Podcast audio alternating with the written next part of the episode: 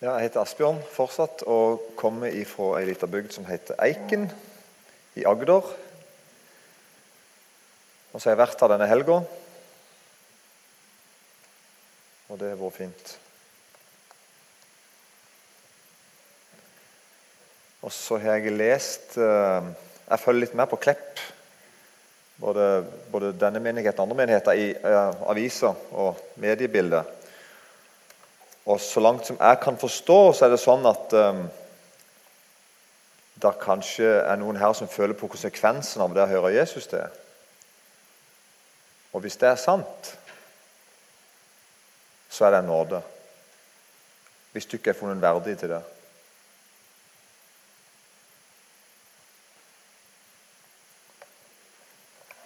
Og da vil jeg, ja, jeg ber for dere at dere må bruke den anledningen, for det er det.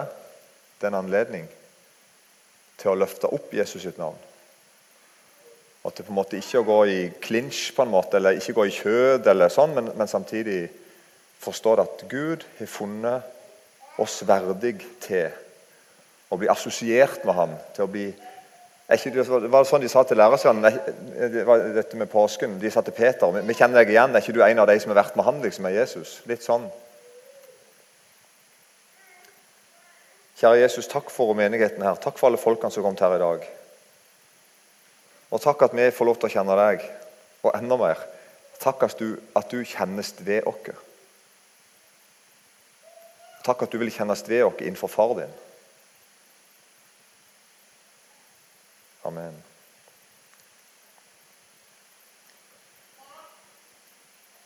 Um, jeg snakket med Aslak Tveita for en stund siden. Da sa han at jeg godt kunne si litt om faste. Og jeg kunne godt si det på sånn måte å følge på en måte Jesus inn i påsken litt. Så jeg tror at jeg er innafor uh, Du kan få bedømme sjøl når jeg er ferdig, om du ikke syns at jeg traff. Uh, ikke ta slag for det, i tilfelle. Men så må jeg prøve. Jeg har kalt egentlig overskriften for 'ren'. Vi kan fort glemme at Jesus og disiplene feirer påske hvert år. Ikke sant? Jesus var jo født og oppvokst i et, uh, i et, samfunn der de feirte påske. Og Det var jo en begivenhet som var mange mange hundre år gammel. Og kanskje den ja, jeg vil tro det er, det er den største begivenheten i jødenes historie. Eller kanskje du kan si starten på den største begivenheten. Den første påsken. Når de ble satt fri fra hundrevis av år i fangenskap til Egypt. De fikk en, en, lov av Gud. Sant? De ble ført ut i ødemarken, kom til Sina. De fikk en lov, kanskje godt en grunnlov for landet sitt. Og, og en, en, slags identitet. Og De ble et folk på vei til et land, og de fikk landet. Og Gjennom hele Bibelen så leser vi om, om at de ble frelst gjennom Rødehavet. Sant? Der, du husker det når, når, når, Gud, eller Moses om du vil, delte, delte havet. Og De gikk gjennom tør tørskudd og ble, ble, bevart på en helt spektakulær måte. Og de Hver dag i 40 år åt manna i ørkenen. Det er hvite som datt ned seks dager i uka, som de kunne plukke og ete. Og de fikk vann i ørkenen. Er det mulig? Det er jo en sånn definisjon på ørkenen det er ikke vann der. Og så kommer de inn i det lova landet. Og Det sentrale for Gud er det sentrale for Gud om hva som skal feires, det er Guds lam. Når Gud og etter de går ut den første påsken ikke sant? Du kan huske den, når, når det var de første de andre ni plagene kom, og farao forherda hjertet sitt og slapp ikke folk ut, og så sa Gud at nå skal jeg sende, nå kommer den tiende plagen. Nå skal jeg sende en dødsengel gjennom byen, og alle de som ikke har slakta et lam, tilberedte det sånn og sånn, tatt blodet og strykt det på dørstokkene de de som har gjort det, der skal jeg gå forbi. Og alle skal bli spart. Og Når, Jesus når Gud da forteller hvordan de skal feire påske etterpå der, så er det lammet. Det er lammet de skal, skal feire. Og Det er blodet som ble redninga for alle som for alle de som trodde på ordet om blodet. Ikke sant? At Gud egentlig sa 'Skaff dere et lam, slakt det sånn og sånn, et det sånn og sånn, og smør blodet på dørstokkene dine i huset'. Gud innstifta påskefeiringen sier jeg. Og Derfor så skriver jeg da en setning som jeg er blitt så utrolig fornøyd med. som jeg skrev her for på kveldssida. Påske gir oss selvforståelse og gudsforståelse mer enn noe annet. Det er min påstand. Påske gir oss en, en selvforståelse, og det gir meg en gudsforståelse mer enn noe annet. Og I motsetning til jul da, så jeg skrevet, Dette er jo bare mine påstander. Dette her er jeg helt åpen for debatt. Dette er ikke veldig viktig for meg. Men, men, men mitt, jeg opplever at jul er ganske lett å feire. Det er lett å selge inn historien til hvem som helst. Enten det er Walt Disney eller et kjøpesenter i Kristiansand. Det, det er på en måte lett ganske å kjøpe en fortelling om jul. Og kan, Det er som en bursdagsfeiring. på en måte. Jesus ble født. Og så kan vi, kan vi pynte litt på krybba og stallen og eslene. Og treet. Hvordan det kommer hen i bildet. Og så er det på en måte litt koselig og greit. Det er noe Alle kan, måte, alle kan ha en del av jul, føler jeg. Iallfall hvis vi klarer å holde det litt sånn overfladisk. og det går ganske godt an. Pinse det er, så, det er litt vanskeligere å feire enn jul. For det, er litt sånn, Du må nesten være kristen for å ha sånn et veldig personlig forhold til det. ikke sant? For det handler jo om at vi fikk Den hellige ånd. Men òg pinse er ganske positivt. Det går fint an å kalle folk pinsevenn uten at de blir sure, liksom. Ikke sant? Påske i den nye pakt er ekstrem. Det er lidelse og død. Det er piskeslag. Det er blod. Det er en uskyldig som dør på et kors. Det er jo, det er jo, det er jo en tortur. Og så er det oppstandelse for de døde, at døden blir overvunnet. Men det er en ekstrem fortelling. Påsken i den gamle pakt er også ganske drøy å fortelle. Ikke sant? Det at Gud skånte de førstefødte i hvert hus der de hadde blod på dørene. Men han gjorde det altså ikke der de ikke hadde blod på dørene. Det er en litt sånn drøy fortelling å fortelle det òg. Men det blir nesten småtteri i forhold til det vi leser i den nye pakt. Og Derfor er det sånn at påske Grunnen til at ikke vi ikke feirer så mye påske i Norge, for det gjør vi jo ikke på den måten som vi feirer jul og sånn. I en del andre land gjør de det, men jeg tror at påske, grunnen til at det er vanskelig å feire, det er at det er en av tingene at jeg er nødt til å ta stilling til noe, nemlig er jeg en av det Jesus, er av det Jesus måtte dø for? Er du en av det Jesus måtte dø for? Og hvis du sier ja til det, hvordan sier ikke det om deg? Ikke sant? Hele utgangspunktet er liksom sånn at Jesus måtte dø pga. meg. Og Jeg må også ta stilling til om jeg har søkt tilflukt hos den korsfestede, oppstandende frelseren. Eller om jeg skal møte Gud alene uten Han. Og Derfor blir påske ikke så triviell på en måte. Vi kan prøve, ja, vi kan bringe litt appelsiner og, og, og, hovden og litt snø. og sånn, det, det, hjelper altså. Men, men bakteppet, ikke sant? Det at det var én som måtte dø pga. meg. Han gjorde det, da. Og så sto han opp. Derfor blir det sånn at Påske er sånn på en utrolig rar måte så blir rein og urein. Påske fører rein og urein sammen. De to bytter plass, den rene og den ureine. Og Jesus er den ene, og jeg er den andre. Og du kan bli rein. Du kan bli hellig.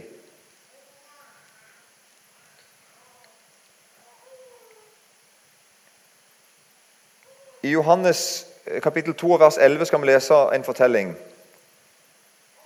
Jesus hadde gjort vin av vann. Og så står det etterpå i Johannes 2, 11 at dette, dette sitt første tegn gjorde Jesus i Kana i Galilea, åpenbarte sin herlighet.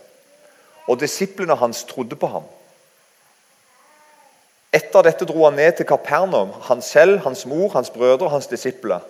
Der ble de noen få dager. Jødenes påske var nå nær, og Jesus dro opp til Jerusalem. I tempelet fant han den som solgte okser, sauer og duer, og pengevekslerne som satt der. Da laget han seg en svepe av rep og drev dem alle ut av tempelet med sauene og oksene Pengevekslernes penger tømte han ut, og bordene deres veltet han. Til dem som solgte duer, sa han, ta dette bort herfra. Gjør ikke min fars hus til en handelsbod. Hans disipler mintes da, det, da at det er skrevet kolon, nidkjærhet for ditt hus skal fortære meg. Jødene tok da til orde og sa til ham, hva for tegn viser du oss siden du gjør dette? Jesus svarte seg til dem, 'Bryt dette tempelet ned, så skal jeg gjenreise det på tre dager.' Jødene sa da til ham, 'I 46 år har det vært bygd på dette tempelet, og du vil reise det opp på tre dager. Men han talte om sitt legemets tempel.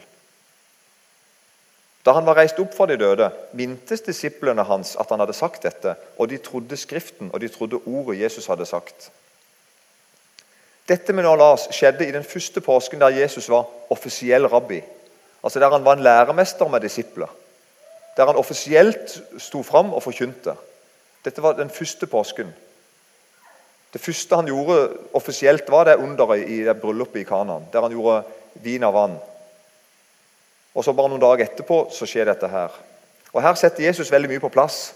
Han, han, sier, han sier hvem han er, og hva han skal gjøre. Han viser hvordan Gud er. Hellig og ren og atskilt fra alt det andre. Og så skal vi legge merke til to ting i den akkurat nå, Lars. At det, først, det første Disiplene trodde på ham når de så han gjorde vin av vann. Det var, og det, ser vi at det var, det var en av hovedpengene til at Jesus gjorde det, i tillegg til å redde et bryllup. da. At Jesus viste, seg, viste sin herlighet sto der til disiplene. Så de fikk sett hvem han er. Han er Gud. Og Disiplene trodde på ham. De fikk tillit til Jesus. Og så ser vi her at etter Jesus er stått opp fra de døde, så forstår disiplene Da tror de fortsatt på Jesus, og så tror de om ordet. Du, det, å, det, å, møte Jesus når han gjør noe, det gjør at jeg får en tillit til han og til ordet om han. Så kommer tre år etterpå så kommer neste påske til Jesus. Den, altså, den tredje påsken. I Matteus 21, 6. Disiplene gikk da av sted og gjorde som Jesus hadde pålagt dem. De henta eselet og folen og la kappene sine på dem, og han satte seg på, dem, på den.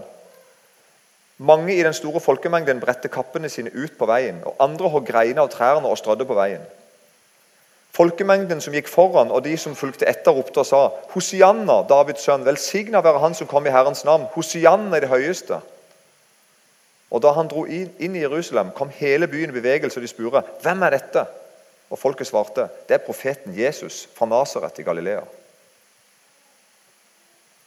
Neste vers.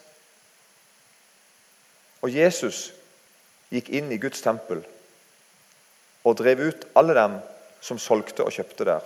Og han velta pengevekslerens bord og duekremmerens benker. Og han sa til dem, det står skrevet, mitt hus skal kalle et bønnens hus, men dere gjør det til en røverhule. I tempelet kom det blinde og lamme til ham, og han helbredet dem. Men da ypperste presten og de skriftlærde så de undergjerningene han gjorde, og barna som ropte i tempelet hos Janna Davids sønn, da ble de harme. Og de sa til ham, 'Hører du hva disse sier?' Men Jesus sa til dem, 'Ja, har dere aldri lest fra småbarns og diebarns munn har du beredt deg lovprisning?' Og han forlot dem og dro ut av byen til Betania. Der overnatta han. Tidlig neste morgen, da han var på vei tilbake til byen, ble han sulten.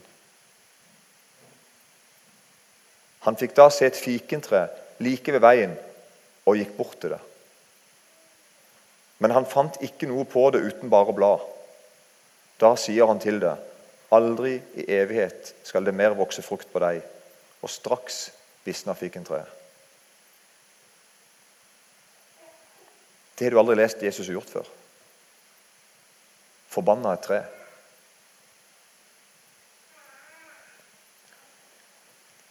Jeg har lest og forstått at fikentreet det bærer ikke frukt. Fikentreet bærer ikke fiken på våren når påsken er. Det bærer på høsten. Men på våren så har fikentreet ferdig noen bitte små frukter som er spiselige. Og De bitte små fruktene på en måte bærer, de på en måte vitner om at til høsten så kommer det fiken på dette treet. Og så Rett etterpå de fruktene er ferdige, så begynner bladene å vokse ut. og Så står det et fikentre i full blomst på en måte med blader på.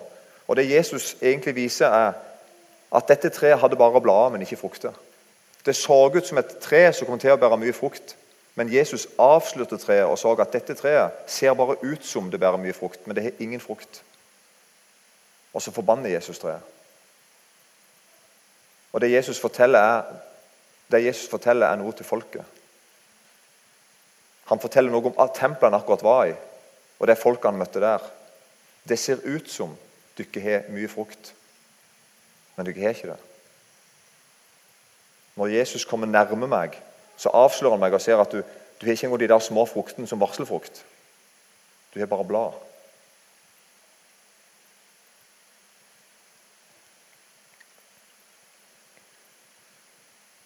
Jesus altså på vei inn i påska, i lammets høgtid, syndebukkens høgtid, sønnens høgtid, fars store oppgjør.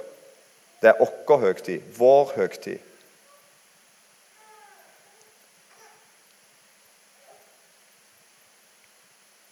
Jesus på vei inn i påsken renser alt, til og med Guds tempel. Alt skal helliges. Alt skal innvies, alt skal avsløres, alt skal avdekkes, alt skal klargjøres. Og nå står vi foran påske, og nå står vi i ei fastetid. Og sånn vil Jesus gjøre med deg i dag. Se her hva det står, hva Paulus skriver i 1. Korinterbrev 6,19. Eller vet dere ikke at deres legeme er et tempel for Den hellige ånd som bor i dere? og som dere har fått fra Gud. Dere tilhører ikke lenger dere selv. Dere er dyrt kjøpt. La da legemet være til ære for Gud. Og Særlig den setningen der, altså. Du som tror på Jesus, du, du som hører Jesus til, du er et tempel for Den hellige ånd som bor i deg. Og så gikk det opp for meg i forrige uke. Jesus renser tempelet. Det var akkurat lest om. Det var det første han gjorde når han ble offisiell, og det var det, noe av det siste han gjorde før han gikk herifra. Jesus renser tempelet. Du er tempelet. Det er deg Jesus går inn i livet til. Det er deg Jesus går inn i livet til, ikke sant? Og så inn i sitt tempel, inn i Guds tempel, for det er du. Det er deg Jesus har et oppgjør hos.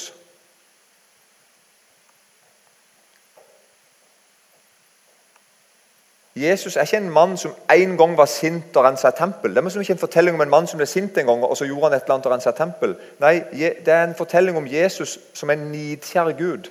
Nidkjær, altså en, en, en, sint kjærlighet, på en måte. En kjærlighet som ikke tåler løgn, fusk, fanteri. Ting som ikke er hellig. Jesus som en nidkjær Gud som alltid renser tempelet. Han kan ikke annet. I det øyeblikket jeg møter Jesus, så møter jeg en hellig Gud. En som renser. Tenk at Jesus renska samme tempelet i Jerusalem iallfall to ganger. Ikke, det har jeg ikke tenkt på før forrige uke. det er flaut å innrømme kanskje, men jeg har aldri tenkt på det før. At Jesus gikk inn i samme tempelet. Det var bare ett tempel der. Og han renska det tempelet to ganger. I samme byen med tre års mellomrom. Kanskje han gjorde det oftere òg, men vi leser iallfall om to ganger. Tenk på de som gikk og rydde opp i en rot etterpå. Etter Jesus hadde vært der. Plukket opp de der myntene de brukte til, til å veksle inn som de brukte til ofring. Sett opp igjen bordene, ikke sant? stolene. De sto og så på de religiøse lederne som sto og kjefta litt på ungene som sa Hosianna, de sa at, var, at Jesus var Hosianna, Hosianna være han osv. Kjeften la seg. Da gjenger det noen folk der, og så rydder de opp igjen. Alle tingene Jesus akkurat hadde velta, har sagt ikke gjør først, sa han, gjør ikke dette rommet, huset til en handelsbod. Neste gang sa han gjør ikke dette huset til en røverbule. Det har og vært en negativ utvikling der. Fra å være en handelsbod til å bli en røverbule. Jeg tror det er en forskjell der. tenker Jeg da. Jeg tror ikke det er synonym. Jeg håper ikke det. Ikke sant? Men begge tingene var galt. Tenk deg det. Og så tar de rett opp igjen alt. Og flauheten lagt seg, og skammen er lagt seg. på en måte. Og så ser det ut som Så fortsetter de som før. Så da spør jeg på en måte Hva gjør du når Jesus har gått inn i tempelet ditt og velta bord? Du, kan, du skjønner hva jeg mener? Det er et eller annet, du, du, vet hva det dreier seg om. Det kan være ingen andre vet det. Du vet hva det dreier seg om. Det er noe Jesus har gått inn i, han, kom inn i han kom inn i hjertet ditt og han snakka til deg. Du er fullstendig klar over hva han snakker om. Du vet at den tingen der, eller de to tingene der skulle du ha gjort eller skulle du ikke ha gjort. Og du kjenner at Det var, det var, ikke, det var ikke, kjekt når du kom, Jesus. Du velta noen bord, og der, der, der ble mye bråk rundt. og det, Ting så ikke plutselig så fint ut. Ting gikk litt i knas rundt meg. Det var egentlig bedre før du kom. på en måte. Samtidig var det godt at du kom. Hva gjør du når dine valg, dine bedrifter, ligger strødd, og det er Jesus som har velta dem? Samler du det sammen igjen og fortsetter som før? Ikke gjør det. Ikke gjør det. La Jesus velte det som han vil velte. La, la han gjøre det. La, la, han gjøre det han vil gjøre. La han rense tempelet ditt.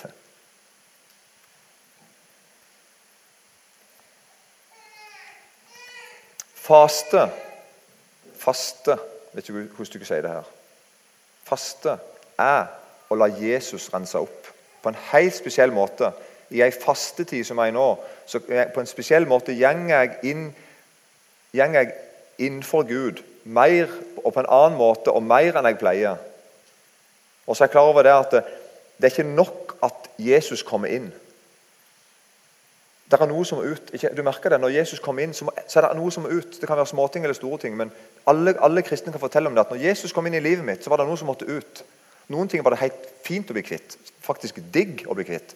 Og noe var det forferdelig å bli kvitt, for du var glad i det. Det varierer litt. ikke sant? Men du merket når Jesus kom inn, så var det noe som gikk ut. Men det er heller ikke nok. Det er heller ikke nok at noe må ut. Jesus må inn. Så Det er liksom begge deler. Jesus, du må inn. Det er ikke nok at du bare slutter med et eller annet synd eller prøver å bli bedre. eller Nei, Jesus, du må komme inn. Du må komme inn, og så må du jage ut det som skal ut. Du lov, du, kan du rydde i livet mitt, Jesus? Og I faste så skjer det på en spesiell måte. Du setter rett og av mer tid til det. Du konsentrerer deg mer om det. Du tenker mer på det. Og For veldig mange så blir det sånn at du, du kanskje ikke eter sånn som du pleier å ete eller andre ting du gjør. Noen faster for sosiale medier eller for andre. ikke sant, sånne ting da. Men, men det å si at nå vil jeg ha noen dager der jeg på en spesiell måte konsentrerer meg om dette. Sette av tid på en spesiell måte til dette. For jeg ønsker Jesus at du skal snakke inn i livet mitt. Jeg ønsker at du skal få lov til å komme inn. Og Hvis du må velte noe, så velt det. Må du jage noe ut, så jag det ut. For jeg vil, jeg vil høre deg til. Jeg vil være et tempel til de ærer. Så det ber jeg om for dere her. At Jesus blir på en måte herre òg i tempelet sitt. For det er hans tempel vi er. Kjære Jesus, velsigna det jeg sagt, for navnets skyld.